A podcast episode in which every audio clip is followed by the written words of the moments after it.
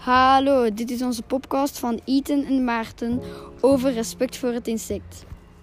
Onze onderzoeksvraag was waarom gaan er zoveel insecten dood? En wij dachten dat het was omdat we veel insecten eten.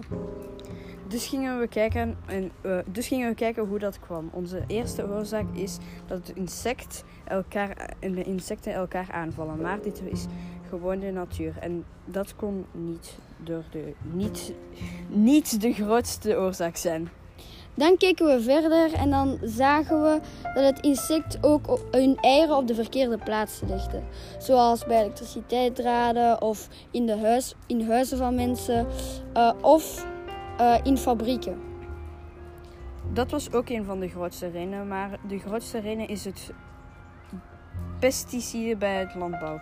Er worden te veel bestrijdingsmiddelen gebruikt waardoor de insecten doodgaan. Maar wat is de oplossing? Er zijn bioboeren die een geur uh, verspreiden over hun landbouw, die de insecten weg, uh, waardoor dat de insecten weggejaagd worden. Zoals Edialux. Uh, dat is een product dat, dat ze van de bloemen zelf gebruikten. Niet de bloemen vermoord of kapot maakt, maar die van de bloemen zelf komen.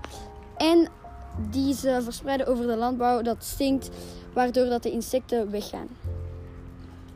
Maar dat zijn de insecten van de landbouw. Maar wat, als, wat, wat van de bijen die gaan in hun bloemen stuifmeel halen, die zitten niet in de landbouw, maar, geen, maar gaan wel massaal dood. Dus hoe komt dit dan? Daar zijn drie redenen voor. Reden 1.